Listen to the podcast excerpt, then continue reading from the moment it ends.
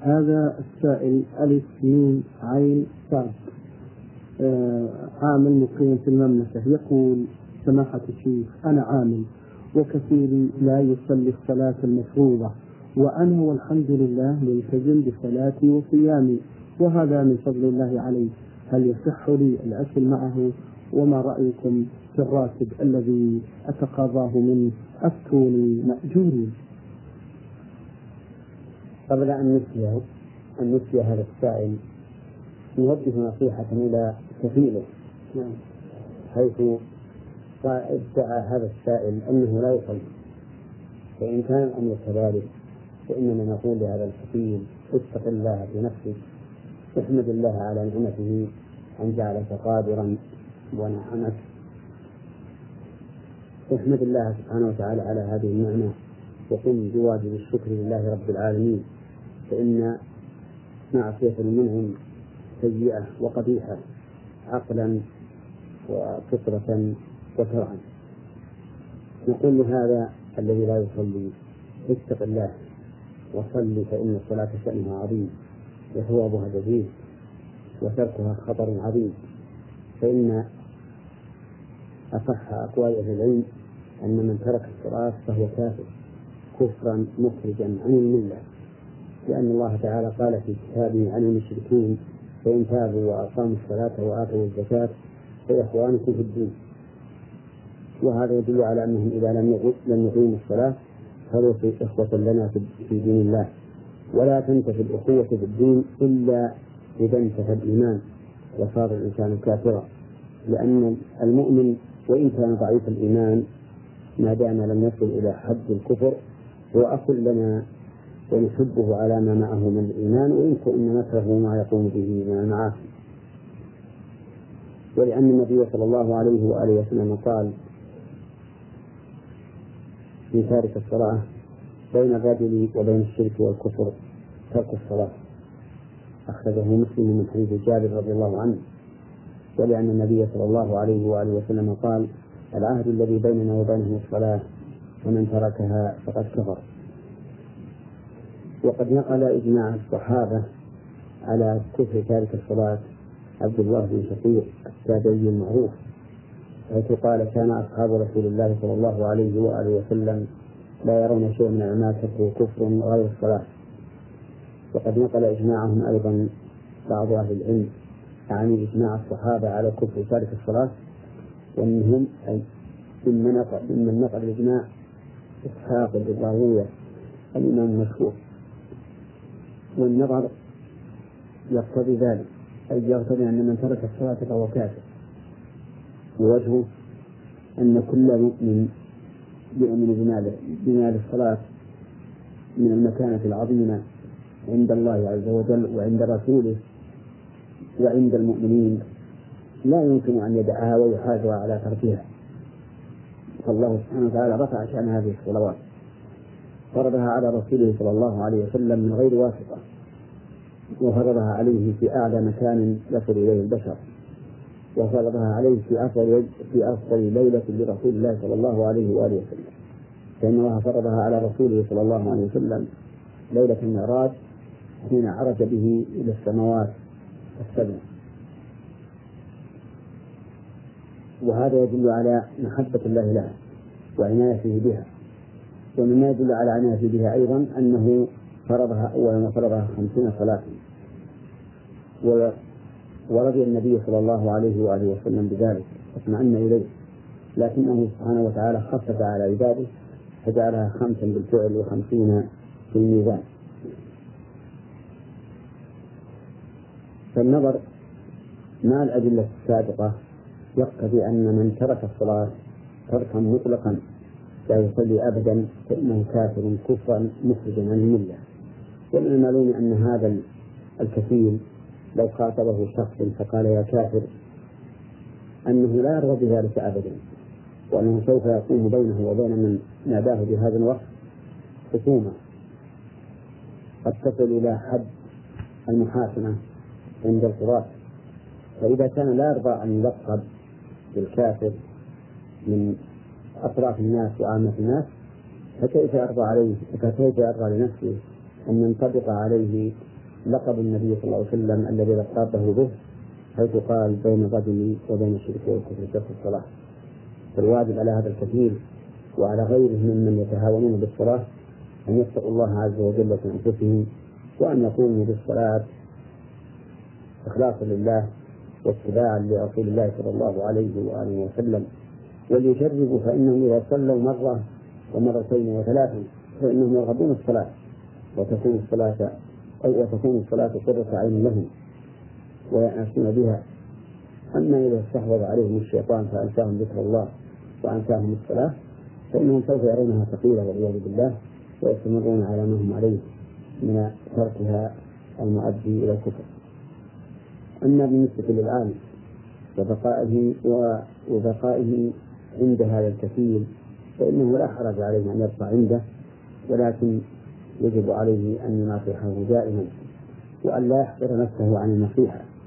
ربما يقول العامل أنا عامل كيف كيف أنصح كثير هو في نظر الناس أعلى مني قدرا وأكبر من جاها فكيف أناصحه؟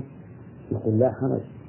لا حرج أن تناصحه وإن كنت أقل منه قدرا في أعين الناس فإنك إذا نصحته لله صرت عند الله أكبر منه قدرا. نعم. بارك الله فيكم. أيضا فضيلة الشيخ آه، أبناء هذا البلد يجب أن أقل تفضل. آه، فيه بعض الناس يرى أن تارك الصلاة ليس بكافر ويحمل النصوص الواردة في تفسيره على أن المراد بذلك من جحد وجوبها وتركها جحدا لوجوبها. والحقيقة أن هذا تحريف للكلمة عن مواضعه لأنه إذا حمل النصوص الواردة في الترك على الجحد فقد حملها على غير ما يقتضيه ظاهر اللفظ.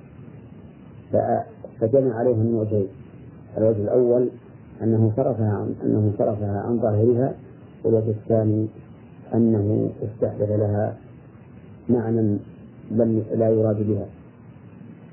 ثم نقول إن الجاحد لفرضية الصلاة إذا كان قد آكل من المسلمين يكون كافرا سواء صلاها أم لم يصليها. حتى لو ثبت أنه يحافظ على على صلاتها ولكنه يقول إنها نافلة وليست بواجبة فإنه كافر. واستدل بعض بعض الناس الذين ذهبوا هذا المذهب استدلوا بأدلة. ولكني تتبعت هذه الأدلة واستقرأتها ووجدت أنها لا تخرج عن أحد خمسة أوجه. إما أنه ليس فيها دلالة أصلا وإما أنها مقيدة بوصف يستحيل معه ترك الصلاة. وإما أنها أحاديث ضعيفة لا تقوم بها الحجة. وإما أن صاحبها أي أي, أي وإما أنها في قوم يعذرون بالجهل يكون الإسلام قد درس عندهم ولم يعرفوا عنه شيئا. وإما أنها عامة تخصص بأدلة كفر تارك الصلاة كما هو معروف عند أهل العلم أنه إذا ورد النص العام والخاص فإن العام يخصص بالخاص. ثم إن الله سبحانه وتعالى يعلم أننا لم نذهب هذا المذهب من أجل التضييق على عباد الله وإخراج عباد الله من, من الإسلام. ولكننا ذهبنا هذا المذهب لأننا نرى أنه هو الذي دل عليه كلام ربنا وكلام نبينا صلى الله عليه وآله وسلم. ونعلم أن التكفير والتفسيق والتبديع والتضليل والترشيد وال والقول بالإسلام أو الإيمان كله ليس راجعا إلينا وإنما هو راجع إلى الله إلى الله ورسوله. فالذي له الحكم وبيده ملكوت كل شيء هو الله. فإذا حكم على شخص ما أنه كافر فهو كافر.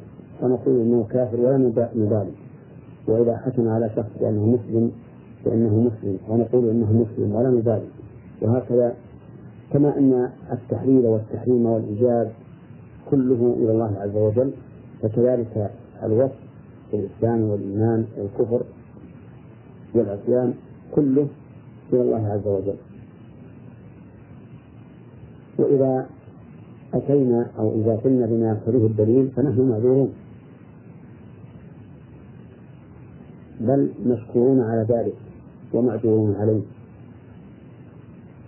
ولسنا نريد أن نضيق على الناس أو أن نخرجهم من دينهم إلا ببرهان يتبين لنا والله سبحانه وتعالى يهدي من يشاء إلى صراط المستقيم.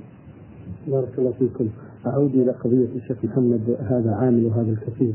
أقول يجب على أبناء هذا البلد أن يكونوا قدوة لأن العالم الإسلامي ينظر إلى هذا هذا البلد نظرة قيادية. فبماذا أيضا تنصحون المستمعين في مثل هذه الحالة؟ نعم. ما ننصح المستمعين بل الكفل بالذات. أن يتقوا الله عز وجل في مسؤوليهم وأن وأن يؤدوا إليهم حقهم. فإن كثيرا من الكفلاء نسأل الله لنا ولهم الهداية يطيعون من يأتون بهم من هؤلاء الفقراء الذين جاءوا لتحصيل لقمة العيش لهم ولعوائلهم فتجده يماطل في حق هذا العامل تنجز الشهران والثلاثة والأربعة وهو لم يوفي حقه. وإذا أراد أن يرفعه إلى الجهات المسؤولة هدده بأن يلغي عقده ويرده إلى بلاده. تجده يجعل عليه ضريبة كل شهر. يقول لا بد أن تأتيني ب 200 ريال ب 300 ريال ثم يسجله في البلد. وهذا لا شك أنه حرام ولا يجوز. فإن هذا أولا ينافي نظام الحكومة وثانيا ظلم لهذا العامل المسكين الذي قد لا يجد ما فرضه عليه هذا الكثير. ثم إني أذكر هؤلاء الكفلاء لأنه ربما يأتي يوم من الأيام يكونون هم بمنزلة هؤلاء الفقراء. فيحتاجون إلى الناس ويذهبون إلى بلادهم ويفعل بهم ما ما فعلوا بهؤلاء. ثم إذا قدر أنهم سلموا من عقوبة الدنيا فإنهم لن يسلموا من عقوبة الآخرة حيث يهضمون هؤلاء حقهم ويظلمونهم. ولقد قيل لي إن بعض الناس يتفق معهم على أجر في بلادهم. ثم إذا وصلوا إلى البلد أي بلادنا قالوا لا نعطيك إلا كذا أو ارجع. فالنفذ يتفقون على أن الشهر 500 ريال. فإذا وصلوا إلى البلد قالوا لا نعطيك إلا 300 تريد هذا وإلا أرجع إلى أهلك. وهذا لا شك أنه حرام. هذا إخلاف للعهد إخلاف للوعد ونقض للعهد وقد قال الله سبحانه وتعالى وأوفوا بالعهد إن العهد كان مسؤولا. وقال يا أيها الذين آمنوا أوفوا بالعقود. وقال الله عز وجل ولا تكونوا كالذين نقضت أغلها من بعد قوة أنكاثا فعلى المؤمن أن يتقي الله عز وجل وأن لا ينظر إلى إلى الدنيا هو الآن قد يكون منعما في دنياه صحيح البدن كثير المال كثير الأهل كثير الأصحاب. لكنه سيأتي يوم من الأيام يكون منفردا في قبره بعمله. فليذكر الإنسان هذه الحال وليذكر الحال التي وراءها يوم القيامة حيث يختص الإنسان ممن ظلمه. حتى إن إن الرجل لا يأتي بحسنات أمثال الجبال فيأتي وقد ظلم هذا وضرب هذا وأخذ مال هذا فيأخذ هذا من حسناته وهذا من حسناته وهذا من حسناته فإن بقي من حسناته شيء وإلا أخذ من سيئاته فطرح عليه ثم طرح في النار. فعلى المؤمن أن يتقي الله عز وجل في هؤلاء الفقراء الذين ما جاءوا إلا الحاجة نسأل الله للجميع السلامة. اللهم آمين. ها حاطة استعرضنا سؤالا له في حلقة سابقة بقي له هذا السؤال. يقول نحن نشتغل في المملكة. وبعد فترة من الزمن نرسل مصاريف للأهل بالسودان مع بعض الإخوة السودانيين. ونقوم ببيع الريالات لهم مقابل الجنيه السوداني. ويقوم هؤلاء بتسليم المبلغ بالجنيهات السودانية إلى الأهل.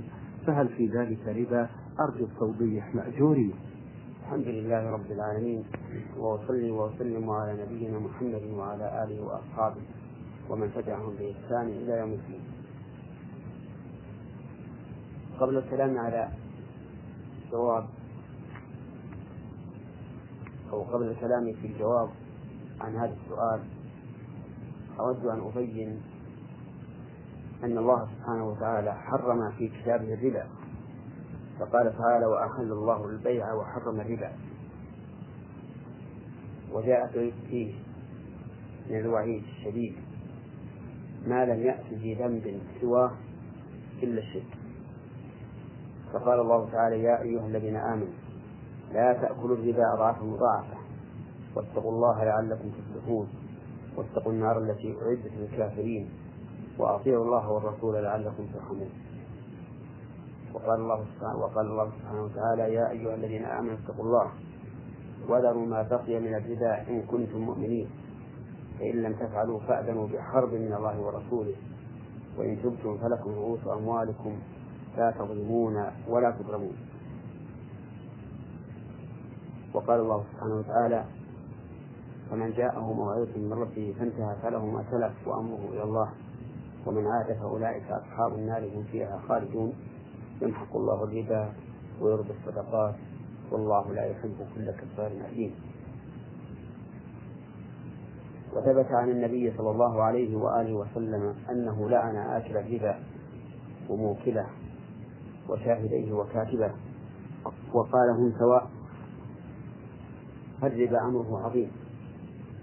وشأنه خطير. ومن نبت جسمه على الربا فقد نبت جسمه على السخط والعياذ بالله. والمراهون من هذه الأمة مشابهون لليهود.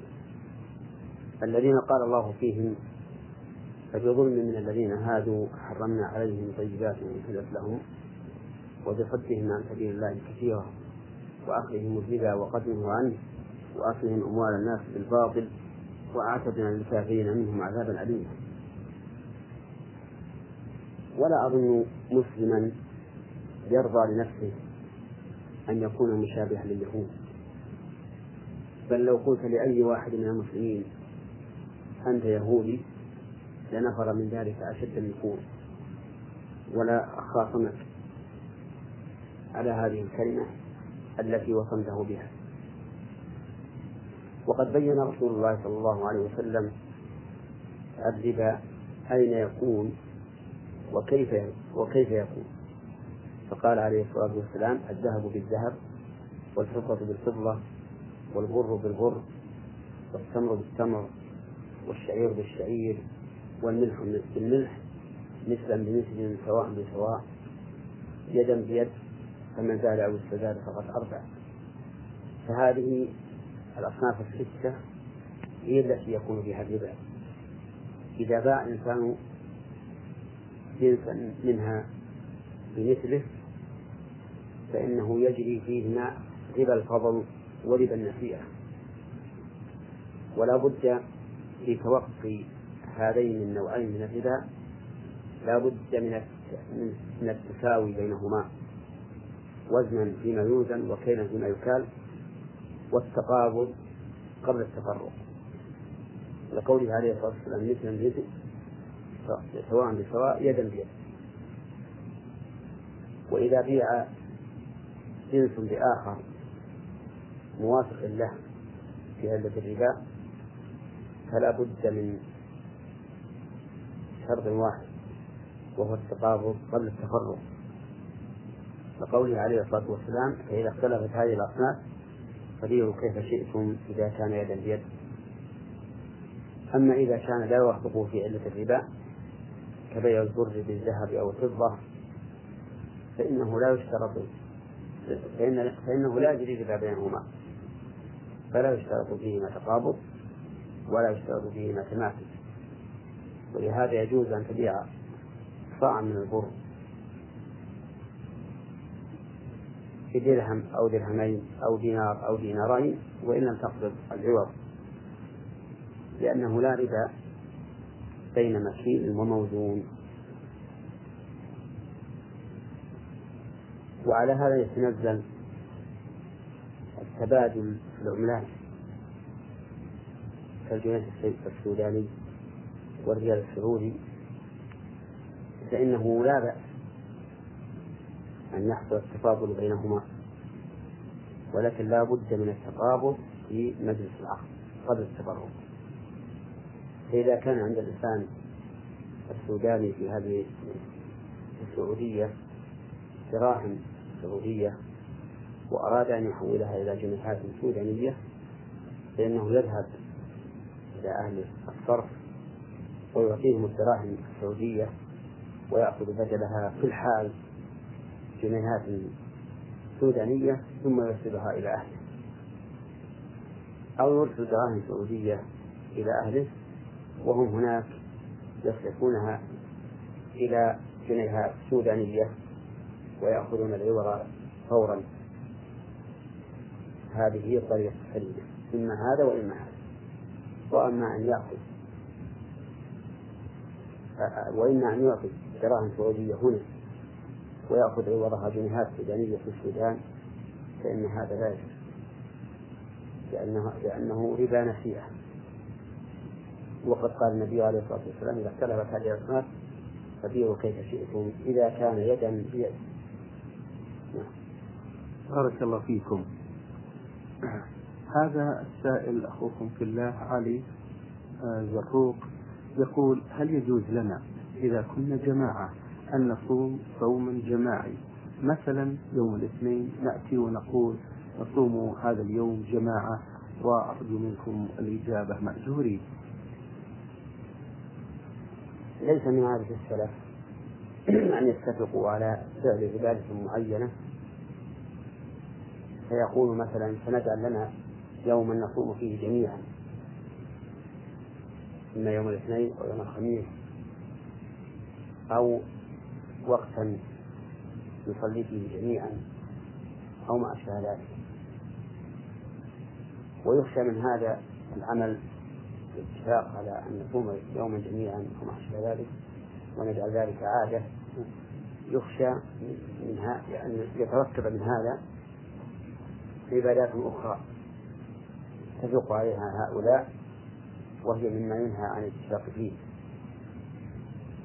أما لو كان هذا غير معتاد عندهم وأنهم يقولون مثلا من صام غدا يعني يوم الاثنين أو يوم الخميس فإننا سوف نفطر عند فلان أو فلان أو نفطر في البر فهذا لا بأس به. وأما اتخاذ ذلك سنة غالبة يحافظون عليه ويجتمعون عليه فإني أخشى أن يكون هذا من البدعة نعم. بارك الله فيكم. يقول هذا السائل آه علي ما حكم في الإسلام مع ذكر الأدلة الصحيحة في إخراج الأحاديث وجزاكم الله عنا كل خير؟ السبحة يريد بها السائل الخرز التي تنظم في سلك في عدد معين يحسب يحسب به الإنسان ما يقوله من ذكر وتسبيح واستغفار وغير ذلك. وهذه جائزة لا بأس بها لكن بشروط أن لا تحمل الفاعل على الرياء أي على مراءة الناس كما يفعله بعض الناس. الذين يجعلون لهم مسابح تبلغ ألف خرزة ثم يضعونها بلادة في أعناقهم كأنما يقولون للناس انظروا إلينا نسبح في مقدار هذه السبحة وما أشبه ذلك. الشرط الثاني أن لا يتخذها على وجه مماثل لأهل البدع. الذين ابتدعوا في دين الله ما لم يشرع من الأذكار القولية أو الاستزادات الفعلية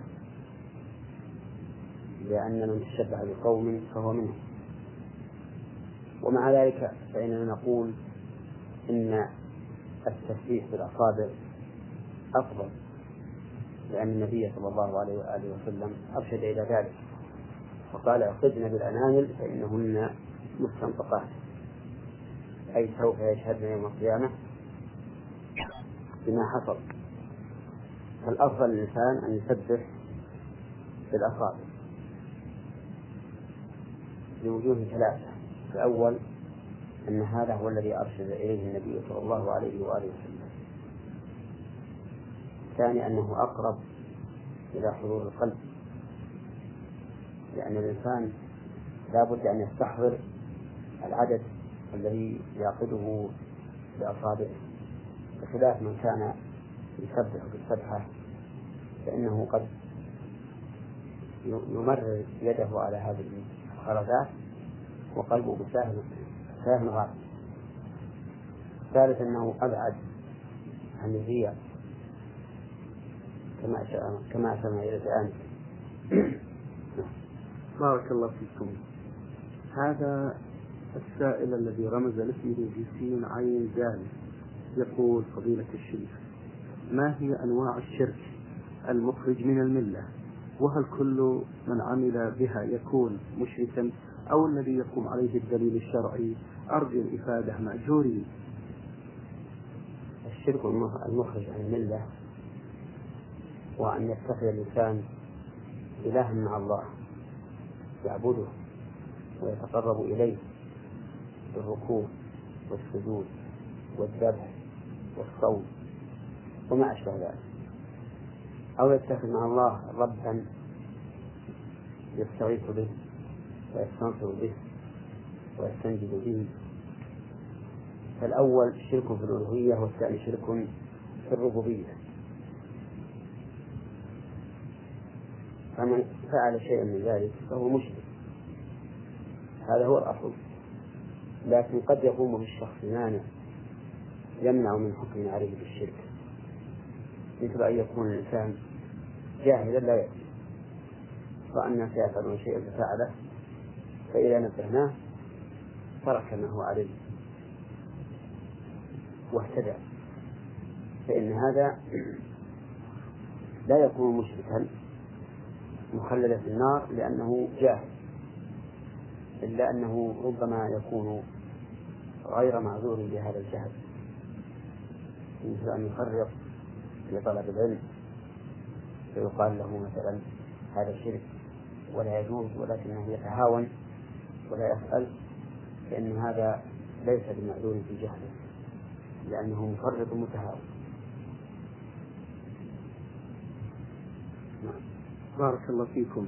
له سؤال آخر يقول هل البسملة من سورة الفاتحة؟ أرجو الإفادة في هذا السؤال. الصحيح أن البسملة ليست آية من سورة الفاتحة. والدليل على ذلك أمران. دليل قولي ودليل فعلي. أما الدليل القولي فهو ما ثبت في الصحيح.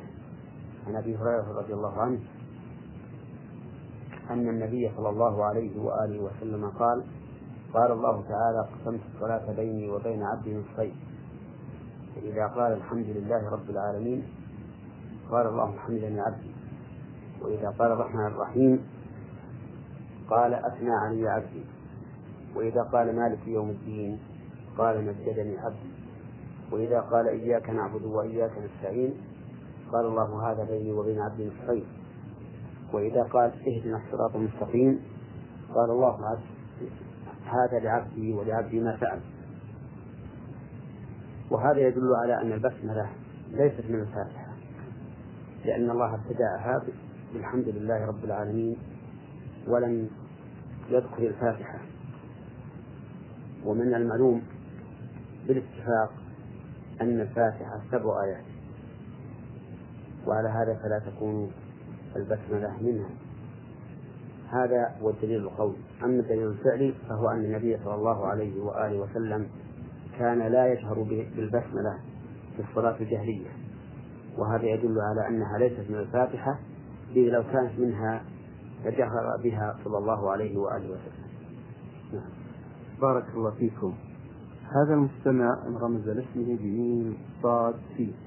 يقول فضيلة الشيخ. لأنه متزوج ومعه العدد من الأطفال. يقول كنت خير مهتدي إلى الطريق المستقيم وأفسدني أصحابي حيث علموني الميسر وشرب الخمر وأقول بأنني لعبت الميسر وشربت الخمر وأسرفت على نفسي وعلى أولادي وبعد ذلك هداني الله إلى الطريق المستقيم وقراءة القرآن والصلاة والصوم بعد أن آه بعد أن كنت لا أصوم رمضان. أفيدوني جزاكم الله خيرا. هل من كفارة على ذلك العمل الذي عملته أما بدر مني في الأيام الثالثة؟ أرجو الإفادة من فضيلة الشيخ مأجورين لا شك أن هذا سؤال عظيم مهم. وفيه ما ذكره السائل من المنكرات العظيمة كالخمر والميسر وما أشار السائل إلى عظمه من الذنوب. ولكني أقول إن باب التوبة لم يزل مفتوحا ولله الحمد. لقد فتح الله بابه للتائبين في كل وقت. يبسط جل وعلا يده بالليل ليتوب مسيء النهار وبالنهار ليتوب مسيء ليتوب مسيء الليل. وقد بين الله سبحانه وتعالى في كتابه أنه يغفر الذنوب جميعا لمن تاب. فقال تعالى قل يا عبادي الذين أسرفوا على أنفسهم لا تقنطوا من رحمة الله. إن الله يغفر الذنوب جميعا. إنه هو الغفور الرحيم. وقال الله تعالى والذين لا يدعون مع الله إلها آخر ولا يقتلون النفس التي حرم الله إلا بالحق ولا يزنون. ومن يفعل ذلك يلقى أثاما. يضاعف العذاب يوم القيامة. ويخلد فيه مهانا إلا من تاب وآمن وعمل عملا صالحا فأولئك يبدل الله سيئاتهم حسنات وكان الله غفورا رحيما. فذكر الله في هذه الآية الشرك وقتل النفس بغير حق والزنا عدوان على الله وعدوان على النفوس وعدوان على على الأعراض ومع ذلك بين أن من تاب من هذه الذنوب العظيمة فإن الله سبحانه وتعالى يبدل سيئاته حسنات وقال تعالى قل للذين كفروا إن ينتهوا يغفر لهم ما قد سلف وإن يعودوا فقد مضت سنة الأولين. وإذا كان الكافر إذا انتهى عن كفره وتاب إلى الله منه غفر الله له ما سلف فكذلك العاصي إذا انتهى عن معصيته وتاب منها غفر الله له ما قد سلف. ولكن الحقوق المتعلقة بالعباد كغسل الأموال وأخذها بغير حق. يجب على صاحبها أي يجب على التائب أن يردها إلى أصحابها. فإن كانوا قد ماتوا ردها إلى ورثتهم فإن جهلهم فإنه يتصدق بها عنهم. وتصل إليهم وتبرأ بها بالنفس هذا إن لم يكن أخذ هذه الأموال بمعاوضة وعقد ومعاملة مع أصحابها. فإذا كان أخذ هذه الأموال بعقد ومعاملة ومعاوضة مع أصحابها فإنه لا يردها إليهم مثل الميسر الذي ذكر السائل نعم. أنه كان يأخذه. فإن هذا كعقد قادر عن رضا عن رضا من الآخر. فلا يلزمه أن يريد إليه ما أخذه منه ولكن يتصدق به تخلصا منه. ولا يرده إلى صاحبه لأنه لو رده إلى صاحبه جمع له بين العوض والمعوض أو لو رده إلى صاحبه لرده إليه وهو راض بخروجه منه. على وجه محرم. نعم لو فرض أن صاحبه جاهل لأن الميت حرام فهنا نقول رده على صاحبه لأنه أعطاك إياه معذورا وخلاصة القول أن من تاب من أي ذنب فإن الله يتوب عليه. لكن إذا كان الذنب متعلقا بحقوق الآدميين التي يجب ردها إليهم فإنه لا تتم التوبة إلا برد هذه الحقوق إلى أهلها. نعم. بارك الله فيكم. هذا سائل آه لم يذكر الاسم الحقيقة. هنا يقول فضيلة الشيخ يوجد في بلدي عدة مساجد وفي يوم الجمعة أكثر هذه المساجد تؤذن أذانين وأغلب آه هذه المساجد للإخوة السلفيين الذين يؤذنون أذان واحد. فسألت أحد الإخوة لماذا لا يكون الأذان مرتين؟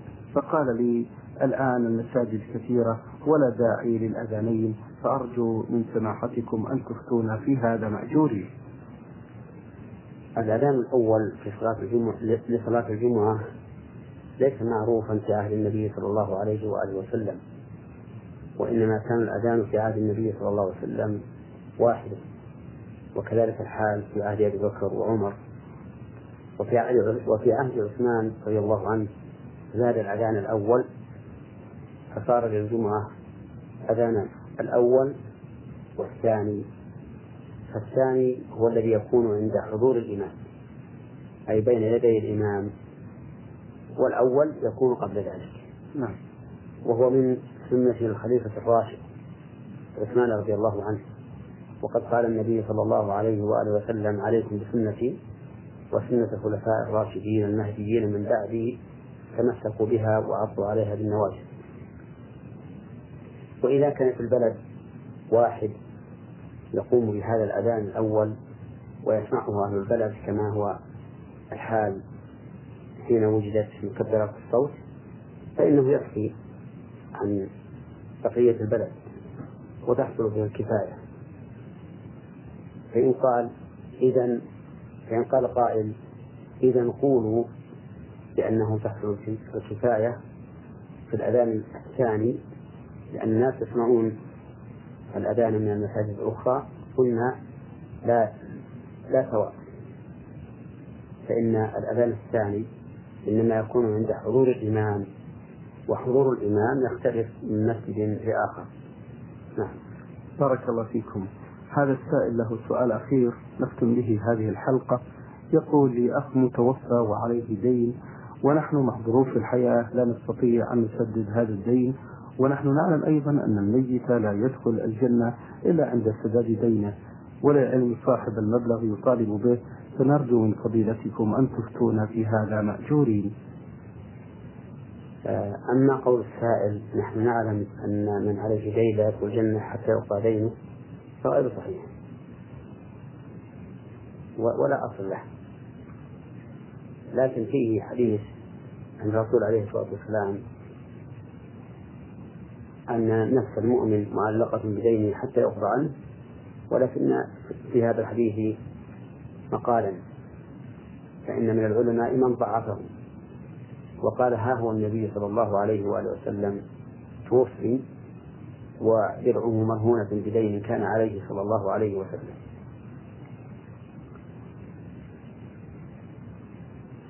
ولكن يجب على الورثة إذا مات مواليتهم عليه دين وله تركة يمكن قضاء الدين منها أن يبادروا بقضاء دينه من تركته لأنه لا حق لهم بالتركة إلا بعد الدين والوصية كما جاء ذلك في آيات المواريث من بعد وصية يوصى بها أو دين من بعد وصية توصون بها أو دين من بعد وصية يوصين بها أو دين من بعد وصية يوصي بها أو دين. فلا حق للورثة في المال الموروث إلا بعد قضاء الدين. وأما إذا لم يخلف تركة فإن قاموا بالوفاء عنه فهم على خير وهم مأجورون بذلك وهم مأجورون على ذلك. وإن لم يوفوا عنه فإنه لا إثم عليه.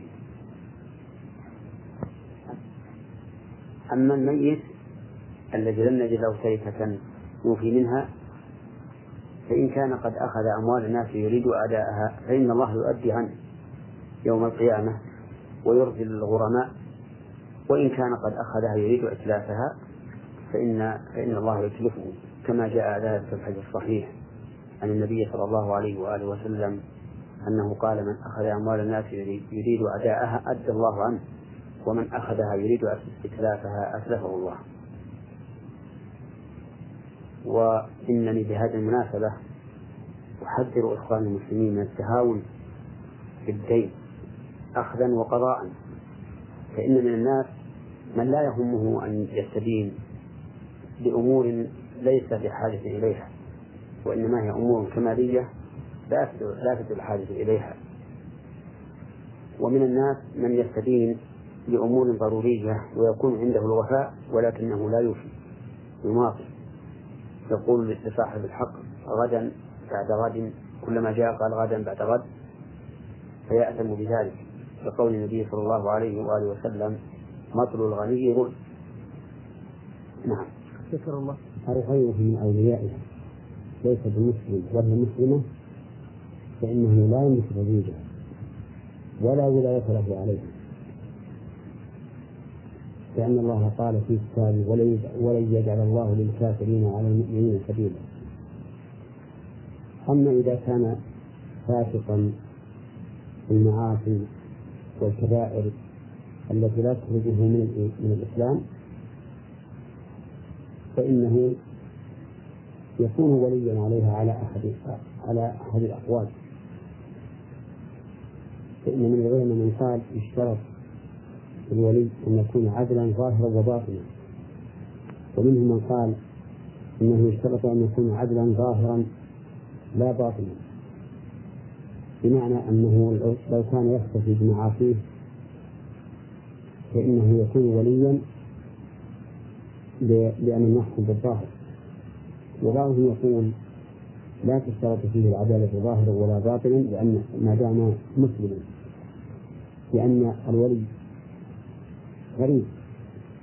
والقريب في الغالب وإن كان عنده معاصي فإنه لا يمكن أن يتصرف تصرفا يخل أو أن لا يمكن أن يتصرف تصرفا يضر بقريبته.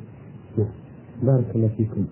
هذا السائل الأخ عبد الله الخالدي استعرضنا أسئلة له في حلقة سابقة بقي له ما يقارب من سؤالين يقول فضيلة الشيخ إذا أطلق الرجل رصاصة بقصد الطير وهو لم يشاهد طائرا ولكنها أصابت طيرا فهل يجوز له ذلك؟ يعني فهل يحل الطير؟ نعم الطير هنا لا يحل لأنه لم يقصد ولا بد من النية والقصد فإذا رمى الإنسان سهمه وهو لا يرى طيرا ثم أصابت طائرا فمات بهذا السهم فإنه لا يحل. لأن من شرط التزكية والصيد القصد. ولهذا لو لو رمى بالسكين فأصابت مذبح شاة وأنهرت الدم فإن هذا فإن هذه الشاة لا تحل. لعدم القصد. ومن ثم نقول إن ذبح المجنون لا تحل به الذبيحة لعدم القصد. واختلف العلماء رحمهم الله هل يشترط قصد الأصل أو لا يشترط. ومنهم من قال أنه يشترط قصد الأصل وأنه لو ذبح بعبث أو لتجربة سكين أو لتمرين على الذبح وما أشبه هذا فإنه لا فإن الذبيحة لا تحل. ولكن الصحيح أنها تحل. ما دام قد قتل التزكية فإنها تكون مزكاة ويحل أكلها. أما ما كان بغير قصد فإن الذبيحة لا تحل به وكذلك الصيد لا يحل به. نعم. بارك الله فيكم. يقول هذا السائل ما حكم التصديق في الحفلات أرجو من فضيلة الشيخ؟ إجابة التصديق في الحفلات ليس من عادة السلف الصالح وإنما كانوا إذا أعجبهم شيء سبحوا أحيانا أو كبروا أحيانا. لكنهم لا يكبرون تكبيرا جماعيا أو يسبحون تسبيحا جماعيا. بل كل واحد يكبر بنفسه أو يسبح لنفسه بدون أن يكون هناك رفع صوت. بل بحيث يسمعه من بقربه الأولى الكف عن هذا أي عن التصفيق إلا مكان وتصفيق فإن المشركين يستحيون التصفيق عند البيت عبادة. وهؤلاء الذين يصفقون عند سماع ما يعجبهم أو رؤية ما يعجبهم لا لا يريدون بذلك العبادة وخلاصة القول أن ترك هذا التفسير أولى وأحسن ولكنه ليس بحرام. بارك الله فيكم فضيلة الشيخ. شخص له مكافأة عند الأوقات مقابل إمامته في رمضان فهل يطالب بها؟ الذي أرى أن الإنسان إذا عمل عملا صالحا فإنه لا ينبغي أن يطالب عنه أن يطالب بعوضه لا من الأوقاف ولا من غيرها لأنه فعله لله. فليبقى على نيته الخالصة فإن جاءه شيء من المال من الأوقاف أو غيرها فبأسه وإلا فلا يشرك نفسه ذلك. لقول النبي صلى الله عليه وآله وسلم لعمر بن الخطاب ما جاءك من هذا المال ما جاءك من هذا المال وأنت غير مشرك ولا سائل فخذه وما لا فلا تتبعه نفسك. بارك الله فيك. نعم.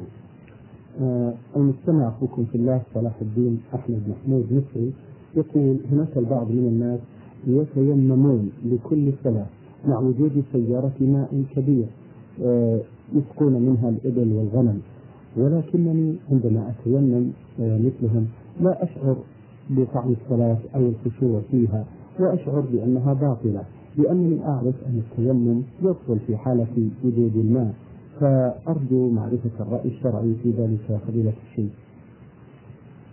لو قال السائل الحكم الشرعي لكان أحسن من قوله الرأي الشرعي. والحكم في هذه المسألة وهي أن يتيمم الإنسان مع وجود الماء وتواصله أن تيممه باطل ولا يحل له أن يصلي به. وعلى هذا فإن هؤلاء القوم الذين يتيممون وعندهم الوارث من الماء لا يحل لا يحل لهم أن يصلوا بهذا التيمم. وإذا صلوا بهذا التيمم فإن صلاتهم باطلة لأن الله سبحانه وتعالى إنما أباح التيمم إذا لم يجد الماء. ومن عنده وارث من الماء فقد وجده. فلا يحل له أن يتيمم وعلى هؤلاء أن يتقوا الله عز وجل في أنفسهم. وأن يستعملوا الماء لطهارتهم لأنهم واجبون له والغالب أن أن تحصيل هذا الماء سهل. يذهبون إلى أماكن الماء ويملؤون هذا الوارد ويكفيهم لعدة أيام. نعم. بارك الله فيكم.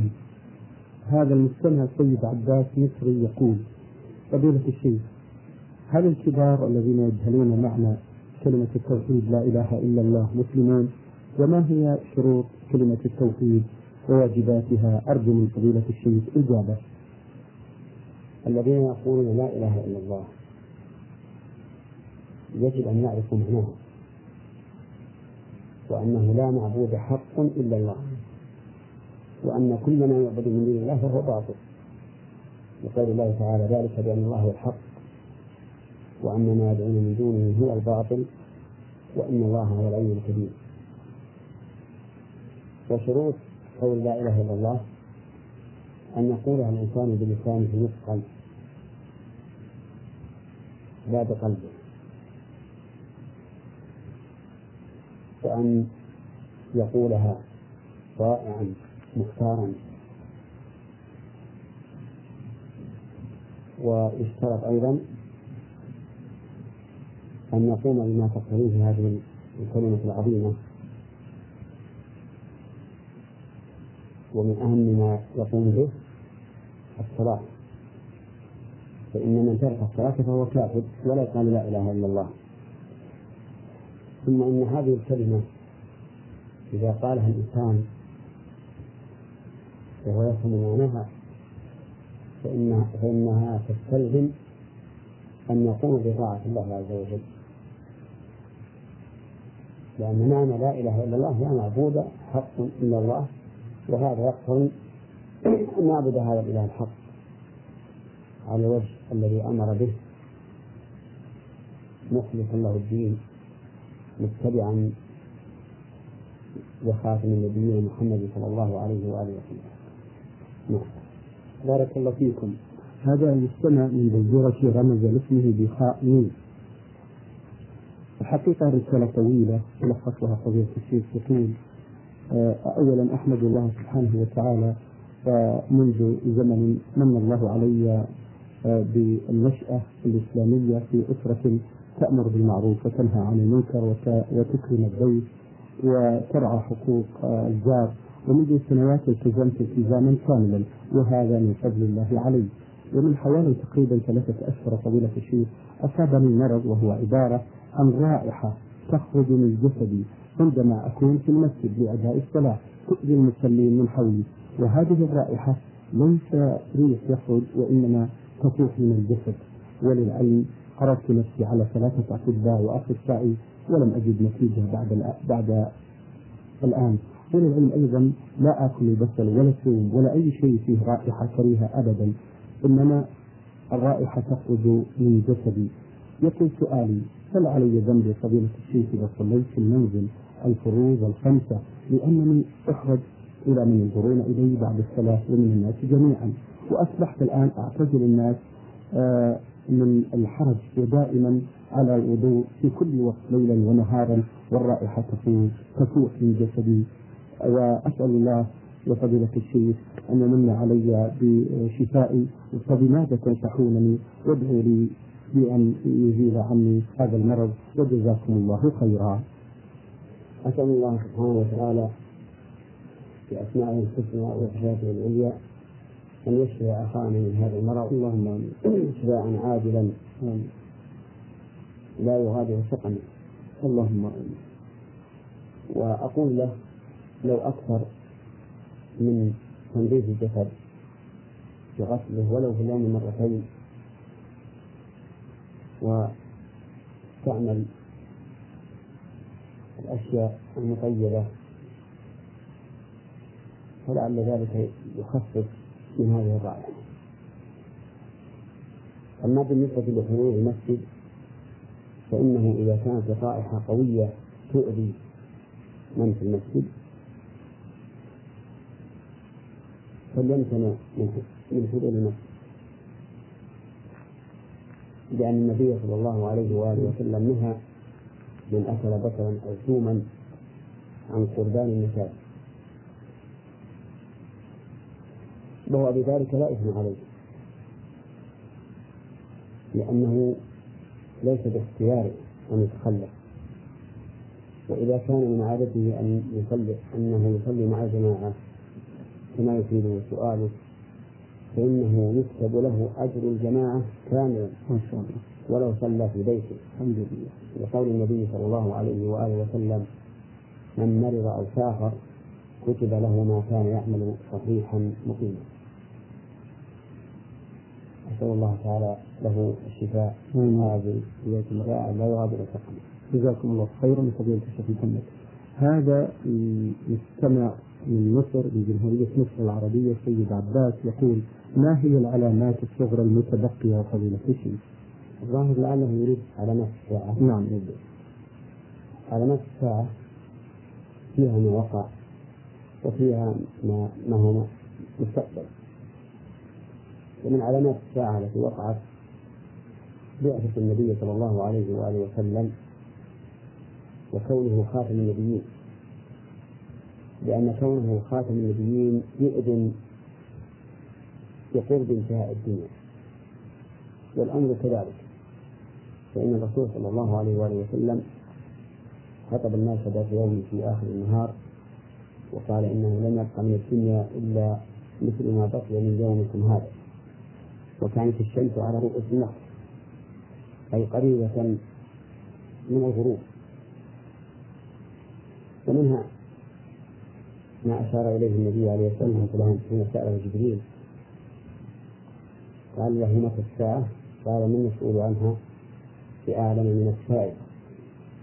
فقال له جبريل أخبرني عن أماراتها قال النبي صلى الله عليه وآله وسلم أن تلد الأمة ربتها وأن ترى الحفاة العراة العالة يتطاولون في البنيان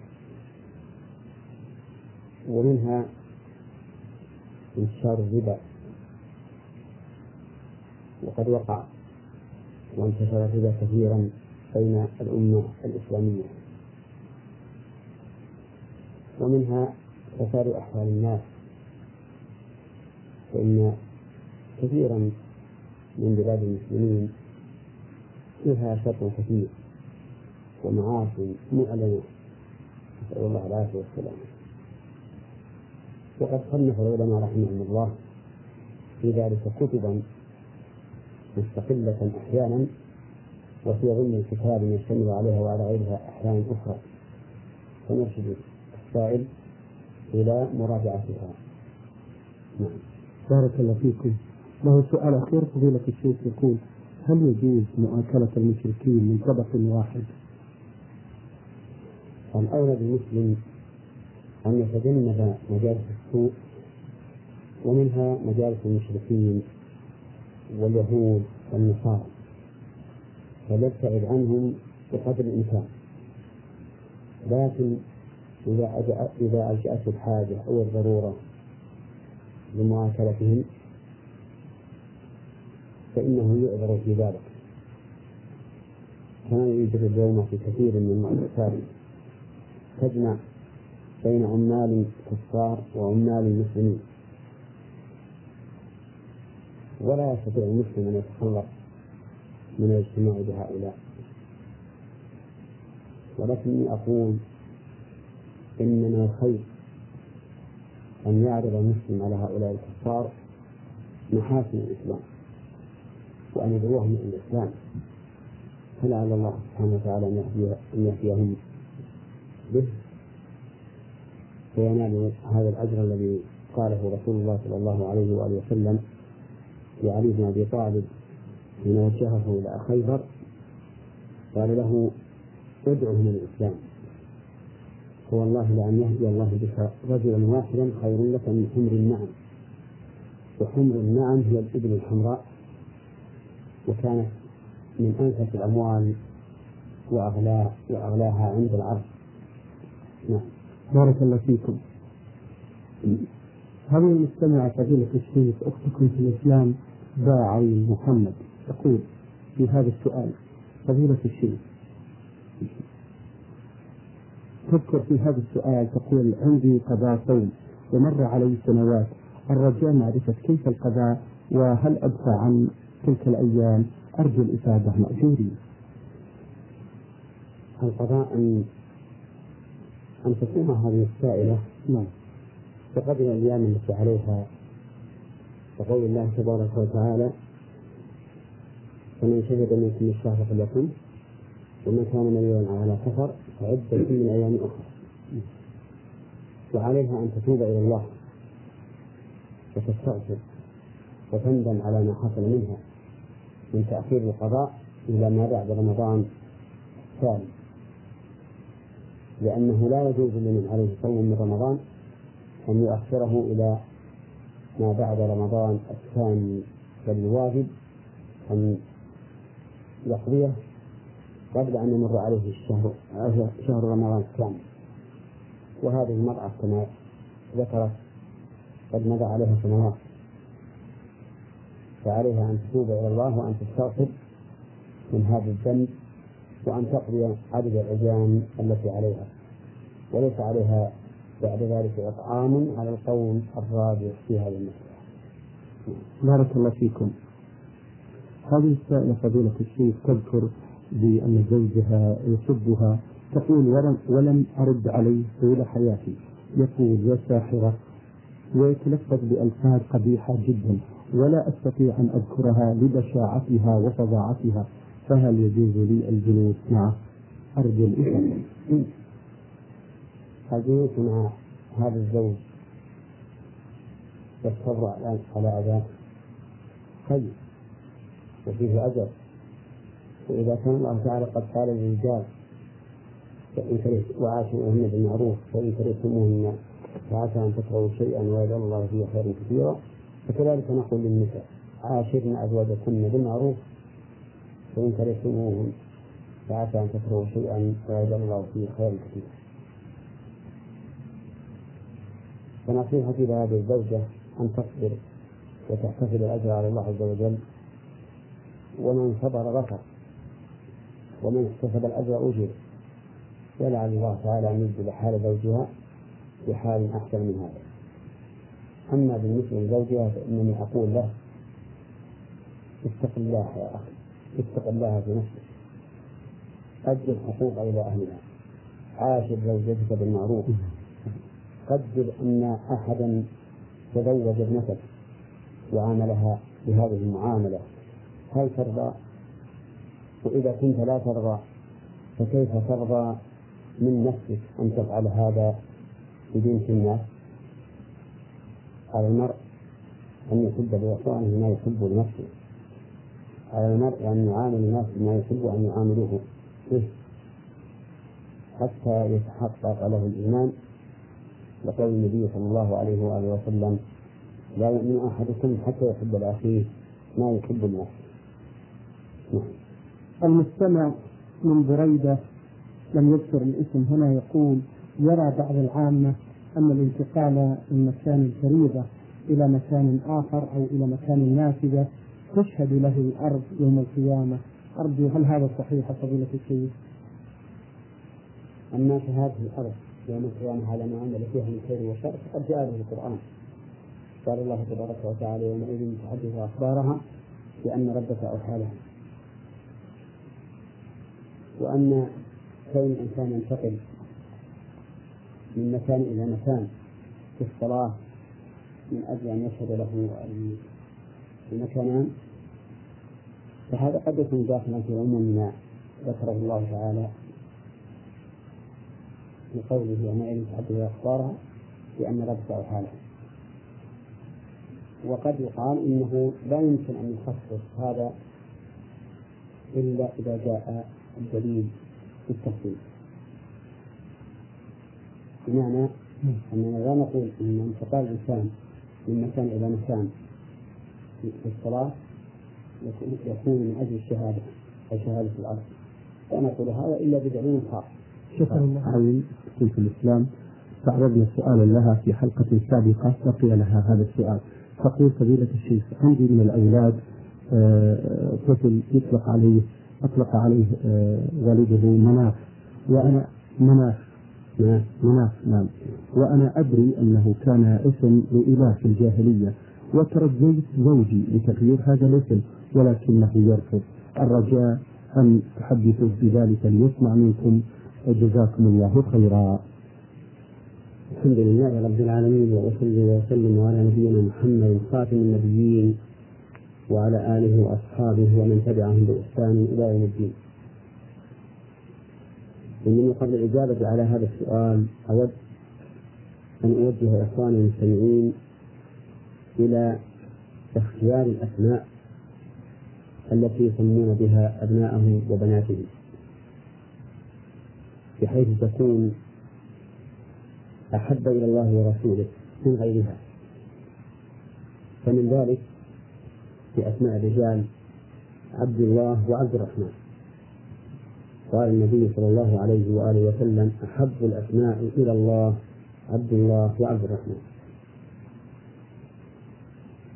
وقريب من ذلك كل اسم أضيف إلى الله مثل عبد الوهاب عبد العزيز عبد الرحيم عبد الجبار عبد القهار وما أشبهه.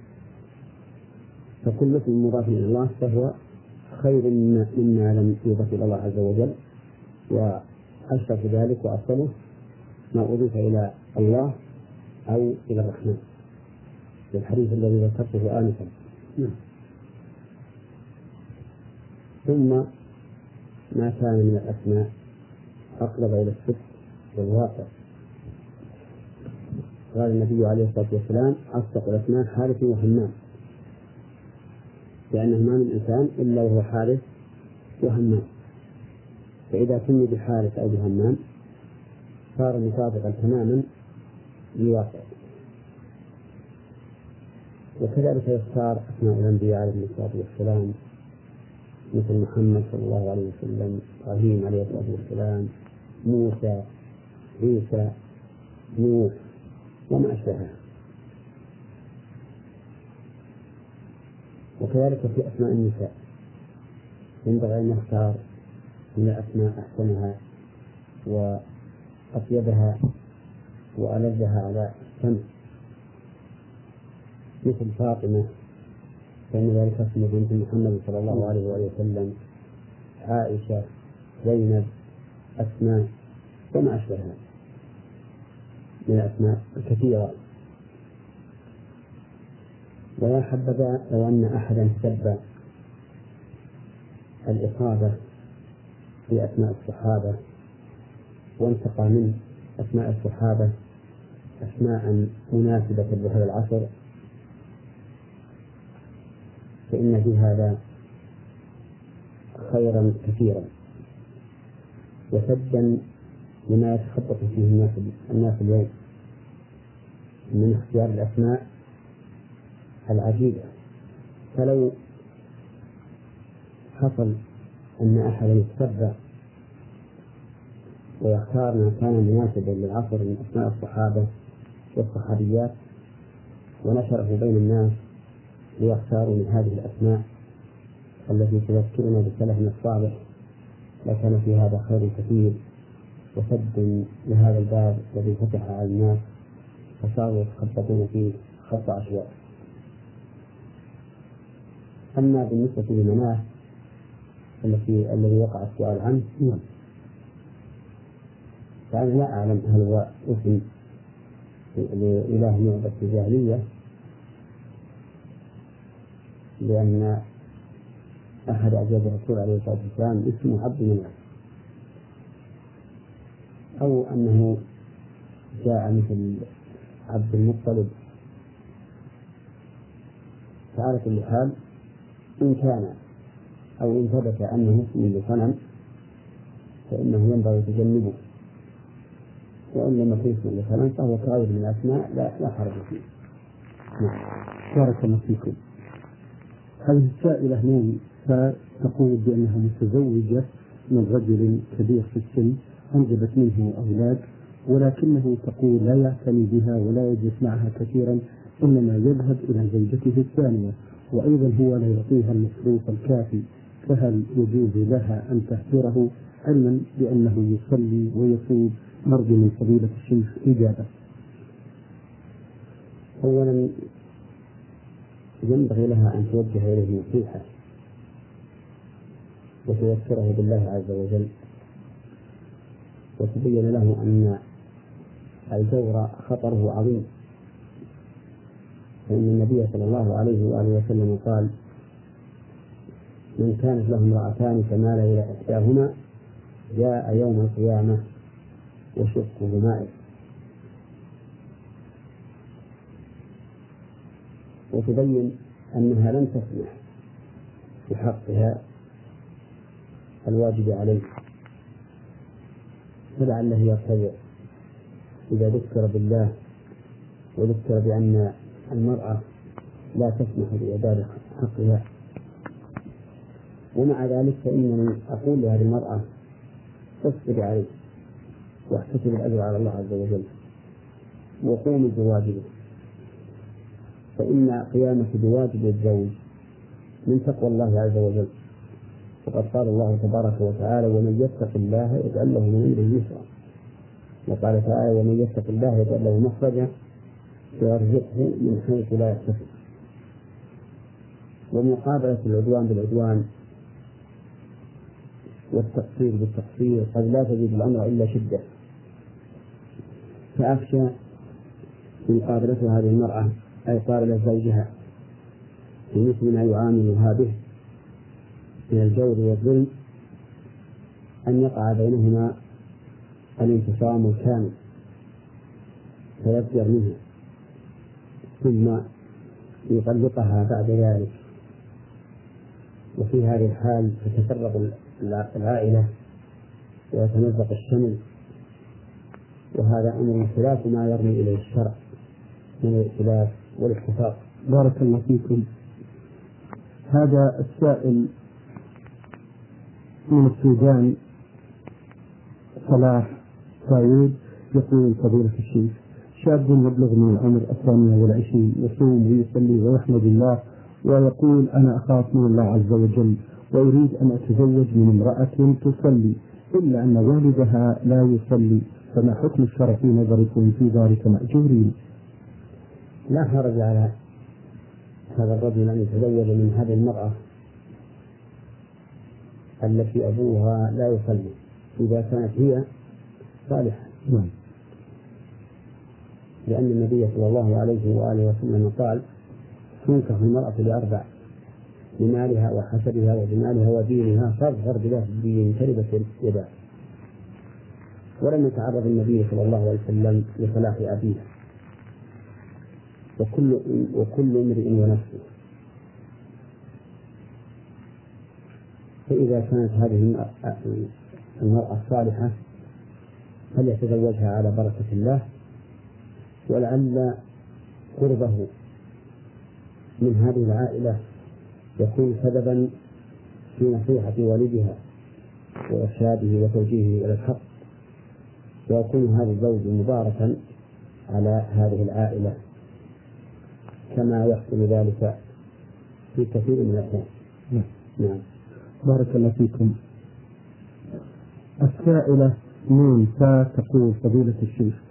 عندي مبلغ من المال ما يقارب من 2000 ريال أعطيت هذا المبلغ لرجل يبيع ويشتري فيها وفي آخر العام أعطاني عشرين ألف وأنا لا أدري كيف كيف اشتغل بها. هل هذا حرام أم حلال؟ فأرجو إفادتي في ذلك. هذا حلال لا إشكال في جواز أخذك إياه. أقول هذا حلال لا إشكال في جواز أخذه. لأن الرجل الذي أعطي هذا المال لم يعطى إياه إلا على وجه الأمانة نعم. فلولا أن صاحب المال قد ائتمنه ورأى أنه أهل للائتمان لم يعطه المال. وإذا كان كذلك فالأصل في تصرفات المسلمين أنها على الوجه الشرعي. ولا ينبغي أن نسأل كيف تصرفت فيها. فيها. لأن الأصل السلامة اللهم إلا أن يريد شبهة. فحينئذ لا بأس أن نسأل وما دام لنا الشبهة فالأصل السلامة. وهذا الرزق الذي حصل للسائلة رزق حلال لا غبار عليه. وبهذه المناسبة أود أن نبين أن هذا النوع من التصرف وهو إعطاء المال لشخص يتجر به ويكون له نصيب من الربح يسمى عند العلماء المضاربة. وفيه خير وبركة لا سيما مع حسن النية لأن الله تعالى قال في الحديث القدسي أنا ثالث الشريكين ما لم يكن أحدهما صاحبا وإذا كان خرجت من بينهما. وهذا النوع من العقود فيه بركة كما قلت من بركته أنه ينمي المال لصاحب المال بلا تعب منه وأنه يفتح باب العمل والكسب للطرف الآخر الذي ليس عنده مال. ويكون هذا مكتسبا بعمله وصاحب المال مكتسب بماله. ولو أن الناس سلكوا هذا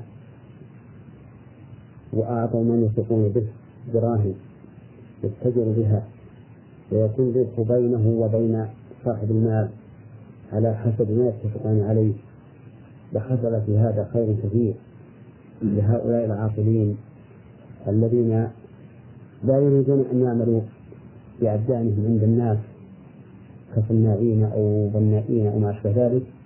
وليس عندهم مال يتجرون به. فإذا أحسن إليهم أحد من الناس وقال خذ هذا المال تصرف به بالبيع والشراء وما أحل الله. والربح بيننا كان في هذا خير كثير. ومع النية الصالحة يبارك الله للشريكين في هذا المال. نعم. بارك الله فيكم. من حضرموت المستمع عبد الرحمن يقول فضيلة الشيخ أسأل عن حكم الصور آه التي تكون بالنحت أو الآلة الفوتوغرافية الكاميرا أو كانت في الرسم باليد فأنا طالب في الثانوية يلزمونني بالرسم باليد وجزاكم الله خيرا. الصور المنحوتة من خشب أو حجارة أو المصنوعة. من الطين أو العجين أو ما أشبه ذلك كلها حرام. إذا كانت على تمثال حيوان وهو روح لما فيها من مضاهاة خلق الله عز وجل. وفي الحديث الصحيح أن رسول الله صلى الله عليه وآله وسلم لعن المصورين واللعن هو الطرد والإبعاد عن رحمة الله. وفيه أيضا الحديث القدسي أن الله تعالى قال ومن أظلم ممن ذهب يخلق في خلقه فليخلق ذرة أو ليخلق حبة أو ليخلق شعيرة وفيه أيضا حديث صحيح أشد الناس عذابا يوم القيامة المسلمون الذين يضاحون بخلق الله. يقال لهم أحين خلقتم. والأدلة في هذا كثيرة.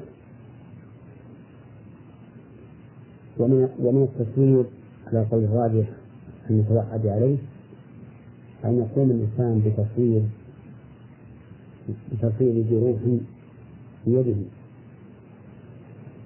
فإن ذلك داخل في التصوير المتوعد عليه وهو كبيرة من كبائر الذنوب.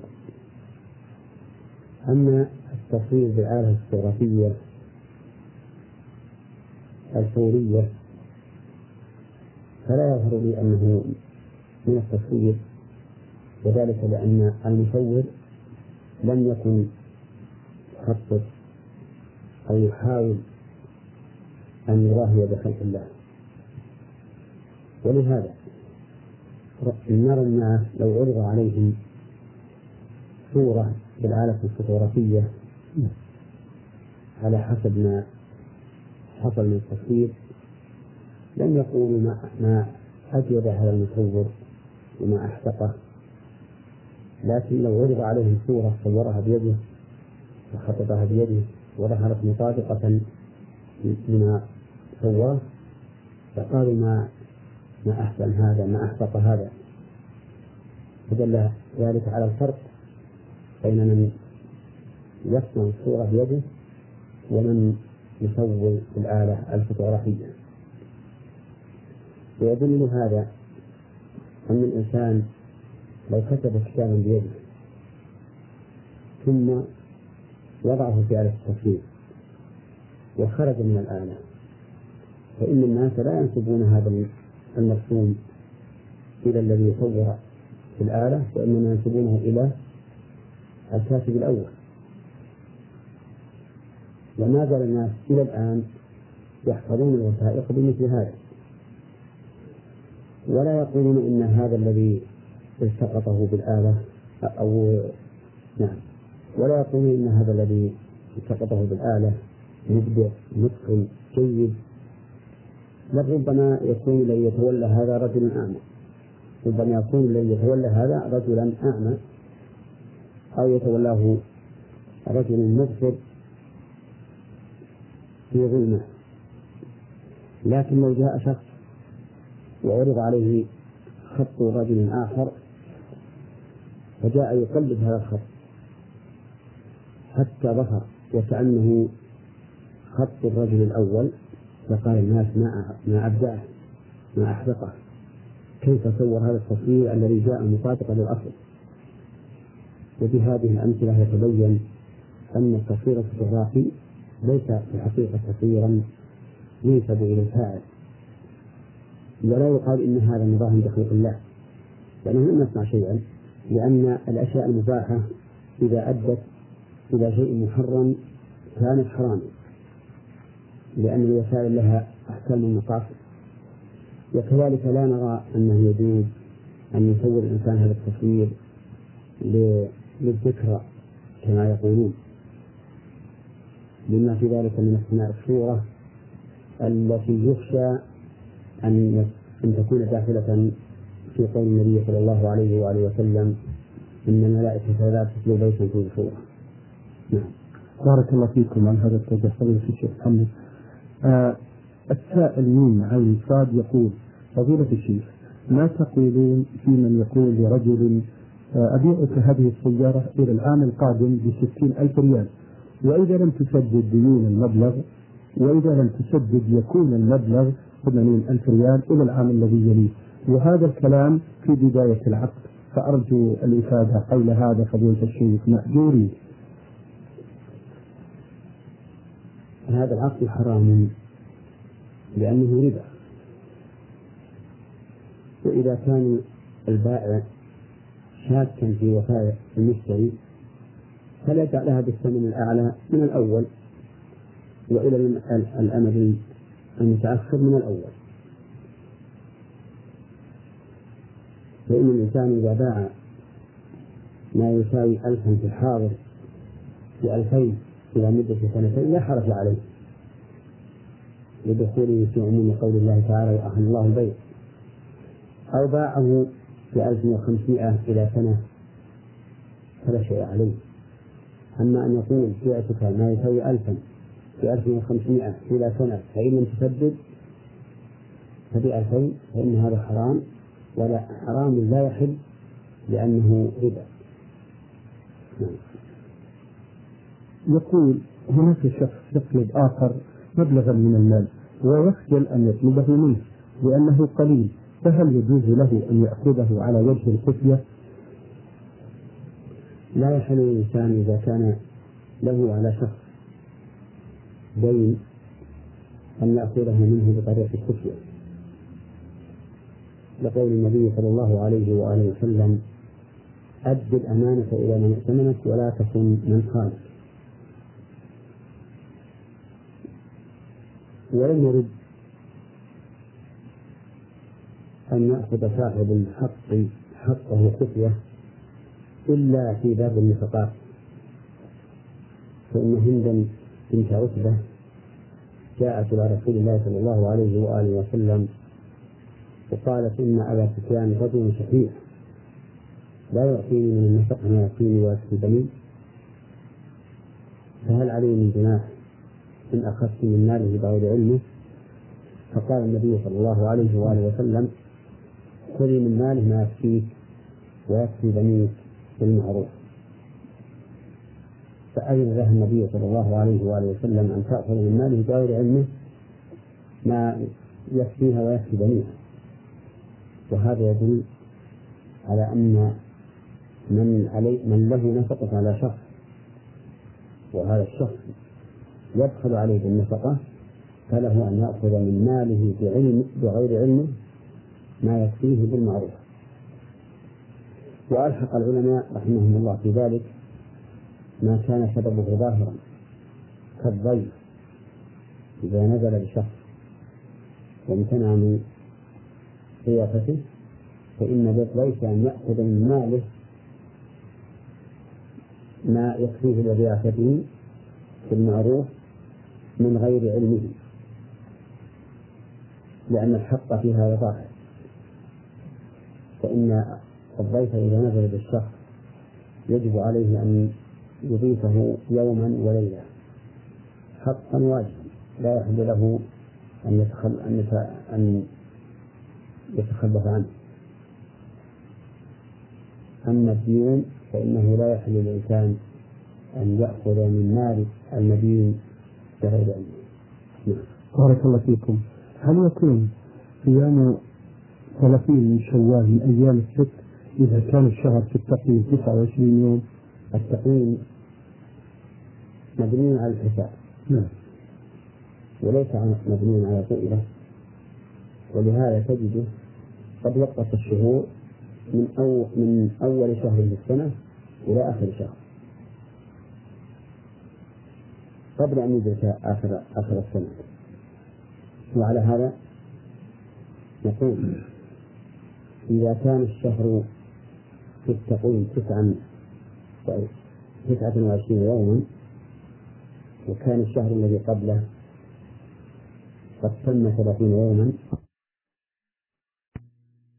فإن الأصل بقاء الشهر الثاني. لقول النبي صلى الله عليه وسلم لا تصوموا حتى تروه ولا تفطروا حتى تروه وإن غم عليكم فأكملوا العدة ثلاثين. وعلى هذا فنقول شوال يحسب على أنه ثلاثين يوما على أنه ثلاثين يوما وإن كان في التقويم تسعة وعشرين يوما. نعم. بارك الله فيكم. آه هذا المستمع عين عين شين. يقول فضيلة الشيخ ما حكم الشرع في نظركم في صيد الطيور في الأشهر الحرم. صيد الطيور في الأشهر الحرم جائز لأن الأشهر الحرم إنما يحرم فيها القتال على أن كثيرا من العلماء أو أكثر العلماء يقولون إن تحريم القتال في الأشهر الحرم منصوص. ولكن إذا كانت الطيور داخل حدود الحرم فإنه لا يجوز صيدها لأن النبي صلى الله عليه وسلم قال حين فتح مكة لا ينفر صيدها أو نسكه وإذا نهى عن التنفير فقاتل إلا بأولى. وقال الله عز وجل يا أيها الذين آمنوا لا تقتلوا الصيد وأنتم حرم وقال عز وجل أحل لكم صيد البحر وطعامه متاعا لكم وحرم عليكم صيد البر ما دمتم حرما فإذا كان الإنسان محرما أو دخل حدود الحرم فإنه لا لا له الصوم. نعم. بارك الله فيكم. هذه المستمعة أختكم في الله ميمونة من ليبيا. تقول فضيلة الشيخ أرجو الإفادة عن كيفية صلاة الليل. صلاة الليل كما قال النبي عليه الصلاة والسلام حين سأله رجل فقال يا رسول الله ما ترى في صلاة الليل؟ قال نثنى نثنى أي يصلي الإنسان ركعتين ركعتين يصلي من كل ركعتين ثم يوتر والإيثار إن أحب أوتر بثلاث بتشهد واحد وإن شاء أوتر بخمس بتشهد واحد وإن شاء أوتر بسبع بتشهد واحد وإن شاء أوتر بتسع والتشهد يجلس أطل الثاني ويتشهد ولا يسلم ثم يصلي التاسع. أما إذا أوتر بإحدى عشرة وهو أكثر الوتر فإنه يسلم من كل ركعتين. لها سؤال أخير. المستمعة ميمونة تقول هل علي إثم في تناول حدود منع العادة؟ وكذا وكذلك لكي لا يفوتني صيام أيام مثل ليلة النصف من شعبان وليلة التروية وعرفات وغيرها. أرجو الإفادة. أما استعمال هذه الحبوب فإنه حسب ما بلغني ضار. ولا ينبغي الإنسان أن يتناول ما كان ضارا. لقول الله تعالى ولا تقتلوا أنفسكم. فإذا تبين أنه لا يضر بمشورة الطبيب فلا بأس أن تأكل المرأة شيئا من هذه الحبوب من أجل ألا تمنعها حيضة من الصيام ولكن السائلة ذكرت صوم يوم النصف من شهر وهذا لا أصل له. فإنه لم يرد عن النبي صلى الله عليه وآله وسلم أنه كان يخصص يوم النصف من شعبان بالصيام ولا أنه يخصص ليلته بقيام فالأفضل أن تكون ليلة النصف من شعبان ويومه كسائر الليالي والأيام. نعم. أيضا ذكرت الشيخ محمد أن يوم التروية يوم التروية هو اليوم الثاني. نعم. وهو كباقي أيام العشر ليس لهم هذه الأيام خاصة وأن المزية يوم عرفة. هكذا ثبت عن النبي عليه الصلاة والسلام أنه قال أحتسب على الله أن يكفر السنة التي قبله والسنة التي بعده. ذكر الآن من ليبيا أرسلت الحقيقة برسالة مطولة تقول تذكر فضيلة الشيخ محمد بأنها فتاة تبلغ من العمر الثالثة والعشرين. ملتزمة تحمد الله على ذلك. تقول ولكن المشكلة في أن أباها يتعافى الخمر والمسكرات لفترة طويلة وذلك سرا تقول ولكن بحكم عملي في البيت تعرفت على ذلك فما الواجب علي علما بأنني لا أستطيع المواجهة والنصح في مثل هذه الأمور؟ أرجو من فضيلة الشيخ إجابة حول هذا. الحمد لله رب العالمين وأصلي وأسلم على نبينا محمد خاتم النبيين الإمام المستقيم وخليل رب العالمين وعلى آله وأصحابه ومن تبعهم بإحسان إلى يوم الدين. الواجب على هذه المرأة أن تفتي النصيحة لأبيها بأي وسيلة؟ لأن من بر الوالد أن يفتي ولده إليه النصيحة. ألم تر إلى إبراهيم عليه الصلاة والسلام حين قال لأبيه يا أبت لم تعبد ما لا يسمع ولا يبصر ولا يغني عنك شيئا وناصحه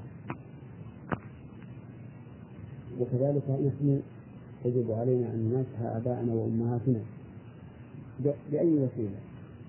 فإذا كانت هذه السائلة لا تستطيع مواجهة أبيها فإن الواجب عليها أن تكتب له كتابا بدون توقير تذكره بالله عز وجل وتبين له النصوص الدالة على تحريم الخمر وعلى الوعيد على شاربها فلعل الله سبحانه وتعالى أن ينقذه من ذلك. ولا ينبغي لها أن تيأس من صلاح والدها. فكم من إنسان كان فاسدا فأصلحه الله تعالى بأدنى سبب. والله سبحانه وتعالى مقلب القلوب يقلبها كيف يشاء نسأل الله لأبيها الهداية ونسأل الله لها الإعانة. نعم.